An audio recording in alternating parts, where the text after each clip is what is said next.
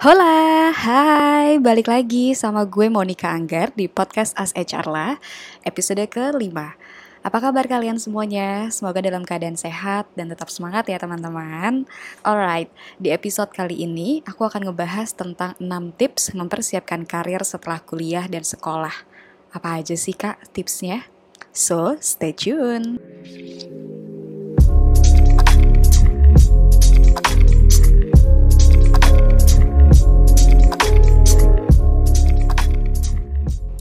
Oke, ngomongin soal karir setelah kuliah atau sekolah ini menarik banget untuk dibahas karena ada hubungannya dengan passion. Apakah passion bisa bawa kita ke karir dan akhirnya bisa menjadi rezeki untuk kita? Atau passion itu hanya kesukaan, disukain aja tapi nggak bisa dijadiin duit nih Kak Monik. Nah, we talking about career after college teman-teman. It's not only untuk yang lulusan kuliah aja, tapi juga untuk yang high school, SMK, SMA, atau juga non formal sekolahnya seperti akademik. So, kita langsung aja ke 6 tips yang akan aku share ke teman-teman. Kita langsung aja ke tips yang pertama. Tips yang pertama ini adalah follow what you want and dream.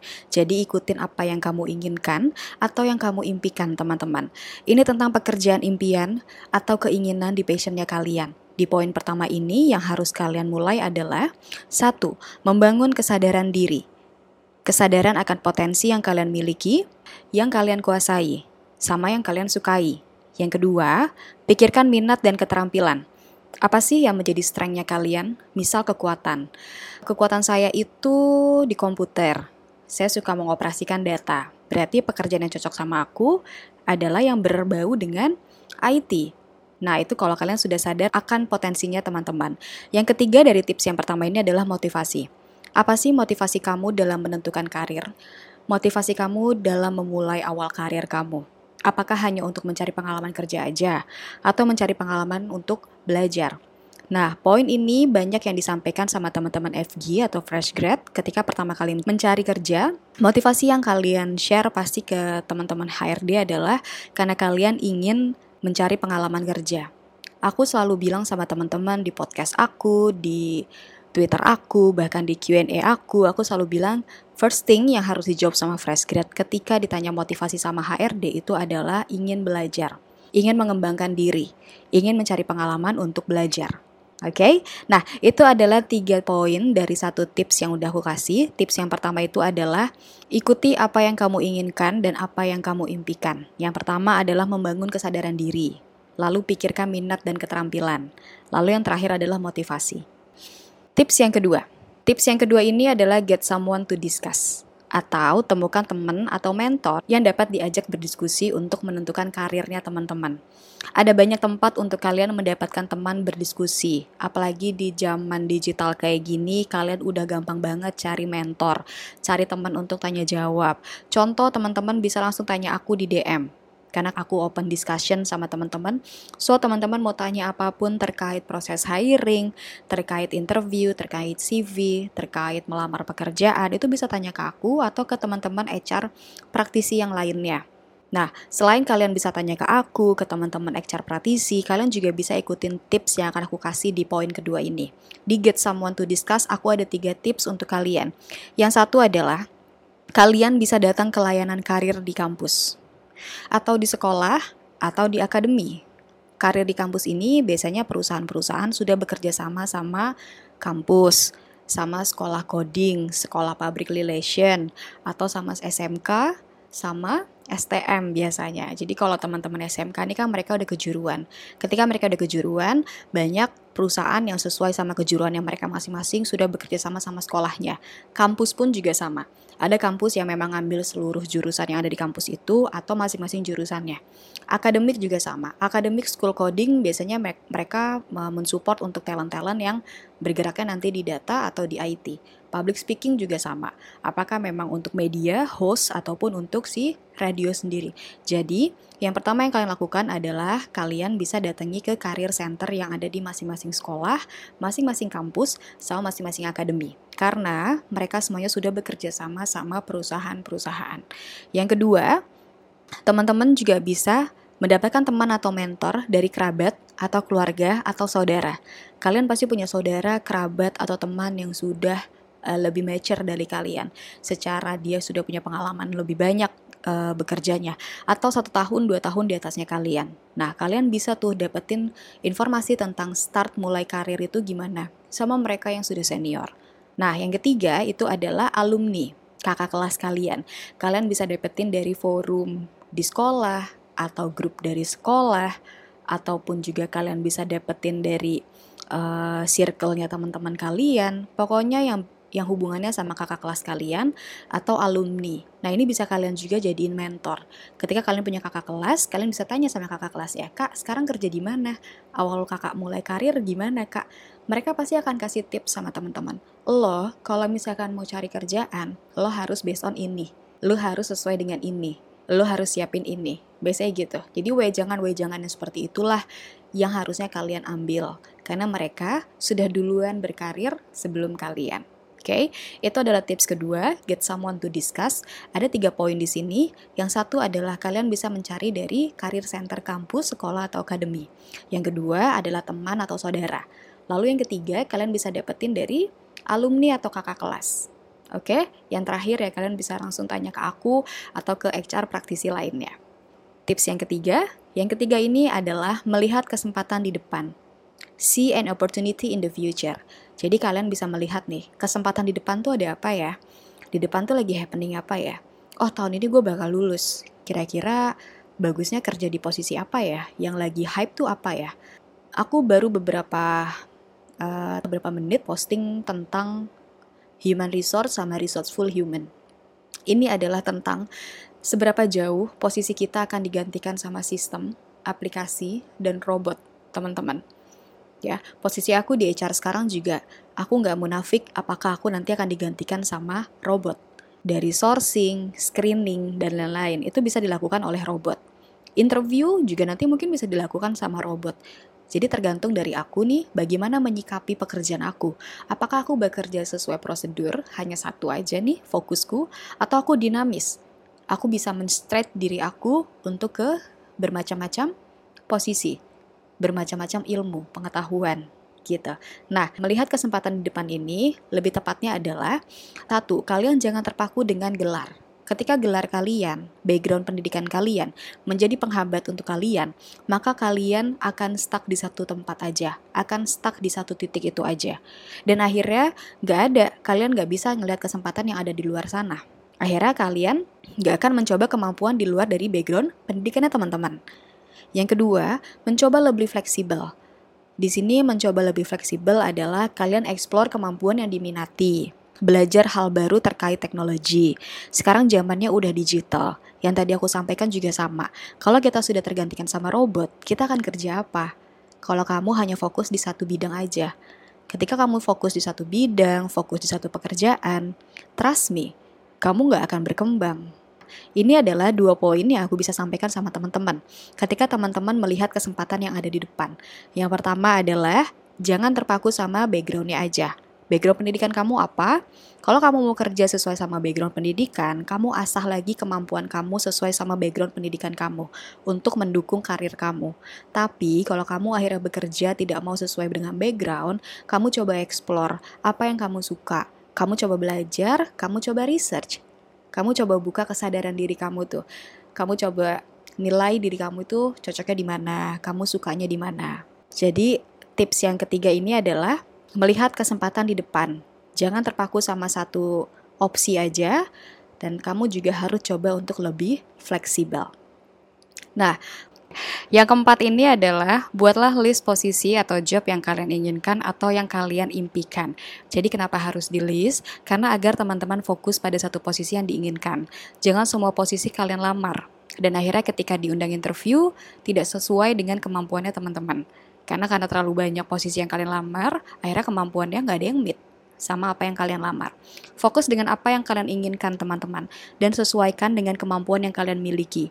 Melamar pekerjaan harus dilihat dengan kemampuan yang kita miliki juga. Jadi, apa yang kamu bisa, apa yang kamu kuasai, kamu coba cocokkan sama pekerjaan yang kamu inginkan. Atau dibalik, kamu suka pekerjaan apa? Coba kamu pelajari kebutuhan apa, kemampuan apa yang dibutuhkan di posisi itu gitu. Ini seperti tips ketiga tadi, belajar hal baru, explore new things. Ini akan membawa kamu ke pengalaman dan pengetahuan yang luas. Jadi ketika kamu belajar, kamu jangan jangan merasa kamu rugi teman-teman. Ketika kamu nanti belajar hal baru, kamu eksplor beberapa hal yang baru, itu akan menjadi ilmu buat teman-teman. Akan menambah pengetahuannya teman-teman juga. Akhirnya kamu memiliki pilihan pekerjaan yang banyak yang cocok dengan kamu dan kemampuannya kamu. Tidak hanya satu tempat aja, kamu nggak akan stuck di satu tempat aja, tapi akhirnya nanti kamu bisa memilih dengan bermacam-macam pekerjaan yang cocok dengan kemampuan yang sudah kamu pelajari, yang sudah kamu miliki. Oke, itu adalah tips keempat, yaitu membuat list job yang kamu inginkan. Jadi dibikin list aja job apa yang kamu suka, nah itu nanti kamu filter dari situ, and then kamu nanti explore kebutuhan apa yang dibutuhkan di masing-masing posisi itu. Jadi kamu bisa belajar, belajar, dan belajar lagi. Nah, yang kelima ini adalah Explore company yang kamu targetkan. Cari tahu perusahaan yang kalian impikan. Misalnya, aku mau kerja di media, aku mau kerja di retail aja ah. Um, aku mau yang aman-aman aja deh, mungkin di finance atau di banking. Uh, semua itu sebenarnya harus kalian targetin teman-teman. Misalnya di banking, banking kan juga banyak jenisnya. Ada syariah, ada yang general, ada yang lokal, ada yang multinasional itu juga harus kalian pikirin. Kebutuhannya masing-masing berbeda. Kalau yang general ya kalian nggak perlu yang harus dari muslim misalkan ya. Tapi kalau yang syariah itu kan harus muslim, harus bisa membaca Al-Quran. Sesuatu yang hal-hal kayak gitu yang yang harus kita ketahui dari awal. That's why kenapa kita harus targetin perusahaan apa yang kita mau. Nah, kalau dulu sampai sekarang nih aku cerita, aku ditanya, kamu itu sebenarnya pengen kerja di bagian apa sih? Aku selalu bilang sama semua teman-temanku, aku tuh pengen banget kerja di media. Aku pengen banget kerja sebagai copywriter mungkin atau sebagai news anchor, reporter, pokoknya di media. Aku suka banget. Tapi karena background aku bukan dari broadcasting, terus juga aku nggak ada aktivitas pendukung atau skill pendukung untuk aku masuk ke dunia media, so aku nggak ngelanjutin uh, apa yang aku mau ke situ tapi akhirnya aku bisa menjadi HR. Nah, ini adalah pekerjaan yang sesuai sama passion aku. Kenapa sesuai sama passion aku? Karena aku di sini bisa explore, bisa ketemu sama orang, aku bisa ngedevelop people, aku bisa talent development, aku bisa explore dan belajar banyak hal terkait tentang uh, function, industri, posisi, level, aku bisa ngobrol sama posisi apa pun. Nah, uh, pekerjaan yang seperti ini yang yang kita nggak tahu ke depannya akan seperti apa, karena yang kita mau aja belum tentu itu yang kita sukai, atau yang kita bisa belum tentu itu yang kita sukain juga. Intinya, untuk teman-teman menentukan karir pertama dengan target sebuah industri sangat memudahkan dalam mencari pekerjaan mencari pekerjaan yang diimpikan sama teman-teman dan akan jauh lebih fokus dengan kemampuan yang kamu miliki. Semua pekerjaan di semua industri itu sama, hanya beda di bahasa posisinya aja biasanya. Jadi kalau sekarang aku posisinya adalah talent acquisition, tapi kalau di company lain, di industri lain bisa aja namanya recruitment recruiting. Jadi beda-beda. Tapi sebenarnya pekerjaannya sama. Tapi secara flow juga kita punya yang proses berbeda-beda. Industri ini ada psikotesnya, di industri ini nggak ada psikotesnya. Jadi kenali dulu kalian minatnya ke mana, ke industri apa, baru kalian targeti posisinya. Oke, itu adalah tips yang kelima. Kalian harus cari tahu perusahaan yang kalian impikan dulu. Yang keenam, uh, this is the last but not least, menentukan karir dengan rumus GPV. Rumus GPV ini adalah uh, ini aku baca-baca dari internet dan aku juga baca-baca dari buku. Jadi GPV ini adalah give, passion, and value. Give adalah sesuatu yang diberikan oleh Tuhan sejak kamu lahir, teman-teman. Give adalah bakat yang Tuhan berikan kepada kalian. Sebenarnya ketika kita ngomongin gift, kita ngomongin bakat, mungkin sampai sekarang kita nggak sadar dengan bakat kita. Bakatku tuh di mana sih gitu? Aku tuh arahnya mau ke mana sih? Nah, ini balik lagi sama yang di tips yang nomor satu tadi, yaitu adalah mengikuti apa yang kalian mau dan mengikuti apa mimpinya kalian. Di tips itu adalah aku memberikan informasi tentang kesadaran diri, jadi membuka kesadaran diri. Coba kalian sadar akan kemampuannya teman-teman. Bakat ini kan kemampuan, jadi gift ini yang dikasih Tuhan adalah kemampuan yang Tuhan berikan sama kita. Lalu passion, passion itu adalah sesuatu yang kalian sukai. Balik lagi yang tadi aku sampaikan, kalian bisa aja itu belum tentu suka. Jadi contoh misalkan, aku bisa melakukan proses hiring di rekrutmen kerjaanku sekarang talent acquisition. Tapi kalau ditanya kamu nih suka nggak dengan kerjaannya? Aku bisa aja bilang aku nggak suka. Kalau aku ditanya aku sukanya di mana ya aku sukanya seperti ini. aku ngonten, aku bikin informasi terkait uh, hiring proses gitu, atau aku ketemu sama orang, aku memberikan informasi yang sesuai sama experienceku, aku mengajar, aku talent development, people development, itu mungkin yang aku suka. Tapi kalau misalkan ditanya kakak bisa nggak ngerjain talent acquisition? Bisa. Jadi bisa aja tuh belum tentu suka teman-teman. Dan suka belum tentu juga kalian bisa. Jadi passion itu adalah sesuatu hal yang kalian sukai. Yang terakhir itu adalah value. Value itu apa sih kak? Value itu adalah apa yang menjadi nilai untuk diri kamu sendiri. Pekerjaan apa yang membawa value untuk diri gue sama orang lain. Ketika aku bekerja, ketika aku memberikan informasi, ketika aku melakukan apa yang aku sukai, apa yang aku bisa, apakah pekerjaan ini membawa dampak baik untuk orang-orang di sekitarku? Apakah pekerjaan aku ini membawa dampak baik untuk klienku, membawa dampak baik untuk perusahaanku? Seperti itu. Kalau kalian kerja untuk perusahaan, berarti apakah value-nya baik untuk perusahaan kalian? Kalau kalian kerjanya consulting, agency, apakah value-nya baik untuk agensi kalian? Kalau kalian kerjanya individu, kayak misalkan konten, bikin YouTube, bikin podcast, apakah value-nya baik untuk pendengar kalian, penikmat kalian, yang nonton kalian? Jadi value-nya apa? Jadi kalian harus pikirin juga ketika kalian kerja, value-nya kalian tuh apa? Tujuannya tuh apa? Seperti itu. Nah, itu adalah tiga poin dari tips ke-6 ini yang selalu aku bilang sama teman-teman ini aku kasih contoh sama teman-teman, gimana cara menggabungkan rumus GPV di kehidupan karirnya teman-teman. Jadi dari tiga poin di tips ke-6 ini, aku akan kasih contoh seperti gini. Gue terlahir dengan tangan ajaib, tanpa belajar kelas fotografi, tanpa belajar angle foto, ketika bekerja sesuai passion, menjadi fotografer banyak nilai yang didapetin. Bikin klien puas, bikin diri sendiri bangga. Akhirnya kerjanya punya tim. Nah, itu adalah gift passion sama value. Ketika kita sadar bahwa tangan kita ini bagus loh ketika kita ngambil foto, tanpa kita harus les fotografi, les cara mengambil angle. Nah, kalian sadar akan kemampuannya teman-teman. Lalu yang kedua adalah fashion. Ternyata passionnya teman-teman ini sama. Dia kamu tuh sukanya di fashion. Kamu sukanya berbau sama yang fotografi, misalkan ngambil angle untuk model, portrait, beauty, produk make up, produk baju, itu adalah passionnya teman-teman yang mengarah ke fashion. Lalu, yang ketiga adalah yang terakhir, value. Value-nya apa sih dari pekerjaan aku ini? Ya value-nya aku akhirnya menghasilkan foto yang bagus, yang membuat klien aku bangga. Nah, dari sini aku punya tim.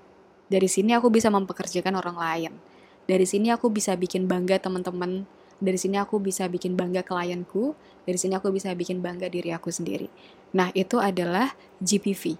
Sesimpel itu kalian bisa sadar tentang GPV, teman-teman.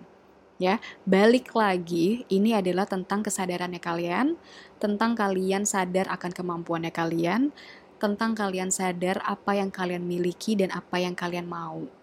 Nah, ini adalah yang terakhir udah sampai tips ke-6. That's it teman-teman. Itu adalah 6 tips untuk menentukan karir setelah kuliah dan sekolah. Dengan masing-masing tips dan poinnya, I hope teman-teman semua dapat gambaran apa yang harus dilakukan setelah kuliah atau nanti setelah SMK-nya lulus nih. Setelah sekolahnya lulus. Setelah kalian non-formal sekolahnya juga lulus. Apa sih yang harus dilakukan? Oke? Okay? Nah, balik lagi. Apakah passion bisa jadi karir? Bisa. Kalau kamu sungguh-sungguh mengikuti kemauan dan kemampuan kamu, passion bisa menjadi karir kamu, teman-teman. Atau bekerja sesuai dengan kemampuan. Karena bisa aja belum tentu suka. Ini yang harus dicatat ya. Karena bisa aja belum tentu suka. Dan suka aja belum tentu juga kalian bisa. Ah, gue suka aja fotografi. Tapi kalian bisa nggak? Kita. Ah, gue bisa fotografi. Tapi kalian suka nggak? Something yang kayak gitu. Itu yang harus kalian tanam. Bisa aja, belum tentu suka, dan suka, belum tentu bisa. Karena passion gak semuanya bisa dilakukan dan dikerjakan. Butuh waktu sampai akhirnya kita mendapatkan pekerjaan yang suka dan bisa. Intinya, untuk start your career, jangan terpaku dengan gelarnya kalian, teman-teman, atau satu opsi aja. Kalian harus explore new things, banyakin research dan belajar. Temuin mentor yang pas untuk karirnya teman-teman. Ya. So, good luck teman-teman. Semoga membantu. Kalau masih ada pertanyaan atau bingung kalian harus gimana kak? Aku masih nggak ada gambaran nih tentang 6 tips yang kakak kasih. Uh, coba dong kak uh, jabarin satu-satu lagi. Oke, okay, nanti aku akan ngejelasin sama teman-teman di masing-masing uh, personal kalian uh, as ke aku. Uh, kalau misalkan pertanyaan kalian memang uh, related dengan podcast aku yang episode kelima ini, so aku akan jawab. Kalian bisa DM aku aja di Twitter atau di Instagram. Aku lebih prefer di Twitter kalian bisa tanya ke aku, Kak, aku udah dengerin podcast kakak yang kelima nih, Kak. So insightful, Kak. Tapi aku masih bingung nih, Kak. Uh, how to ngebangun kepercayaan diri sama ngebangun kesadaran diri, misalnya kayak gitu ya. Itu sebenarnya bisa kalian asah dari diri kalian sendiri dengan perlahan-lahan kalian akan sadar kemampuan kalian akan ke mana. Seperti yang kalian tahu, aku ini open untuk discussion related dengan HR, jadi let me know kalau kalian ada pertanyaan tentang hiring, interview, CV, ataupun anything uh, nego gaji atau salary kalian bisa tanya ke aku. Aku akan jawab sesuai dengan yang aku alami dan sesuai sama experienceku. Nah, bonus nih teman-teman. Kita ngomongin soal magang dulu ya. Jadi uh, di sini banyak teman-teman yang sudah mengalami magang atau nanti akan magang.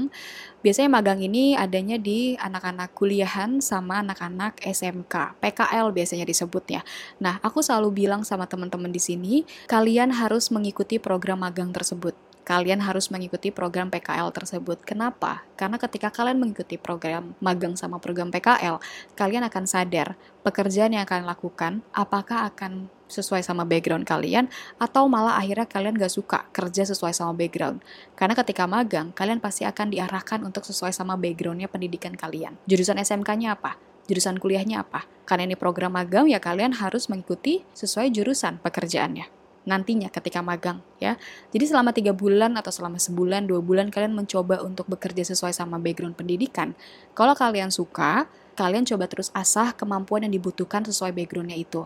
Tapi kalau akhirnya kalian ah kayaknya bukan tempat gue nih buat gue kerja sesuai sama background gue, gue mau cari yang lain aja. Nah, ketika kalian ada pemikiran seperti itu, start untuk belajar hal baru start untuk kalian explore hal baru. Coba mulai belajar hal baru yang kalian sukai. Terus belajar dan explore terus. Jadi kalau kalian memang akhirnya tidak mau bekerja sesuai background pendidikan, kalian harus belajar, belajar, belajar, belajar hal baru. Explore, research apa yang harus kalian pelajari. Ikuti apa yang kalian mau, ikuti apa yang kalian inginkan, teman-teman. Oke, okay? so thank you so much teman-teman. I hope ini ngebantu buat kalian yang akan wisuda tahun ini atau yang masih bingung, aduh aku start karirnya gimana ya, aku bingung nih gitu. Gak ada mentor yang bisa aku temuin. Nah, semoga tips ini ngebantu teman-teman gimana cara menemukan mentor yang baik ya mau ke aku boleh atau sesuai tips yang aku kasih juga boleh jadi uh, sesuaiin sama diri kalian aja kalian maunya ke mana jangan lupa di share ke teman-teman yang membutuhkan nanti dan sampai jumpa di episode selanjutnya teman-teman. Bye, salam Ase Charla.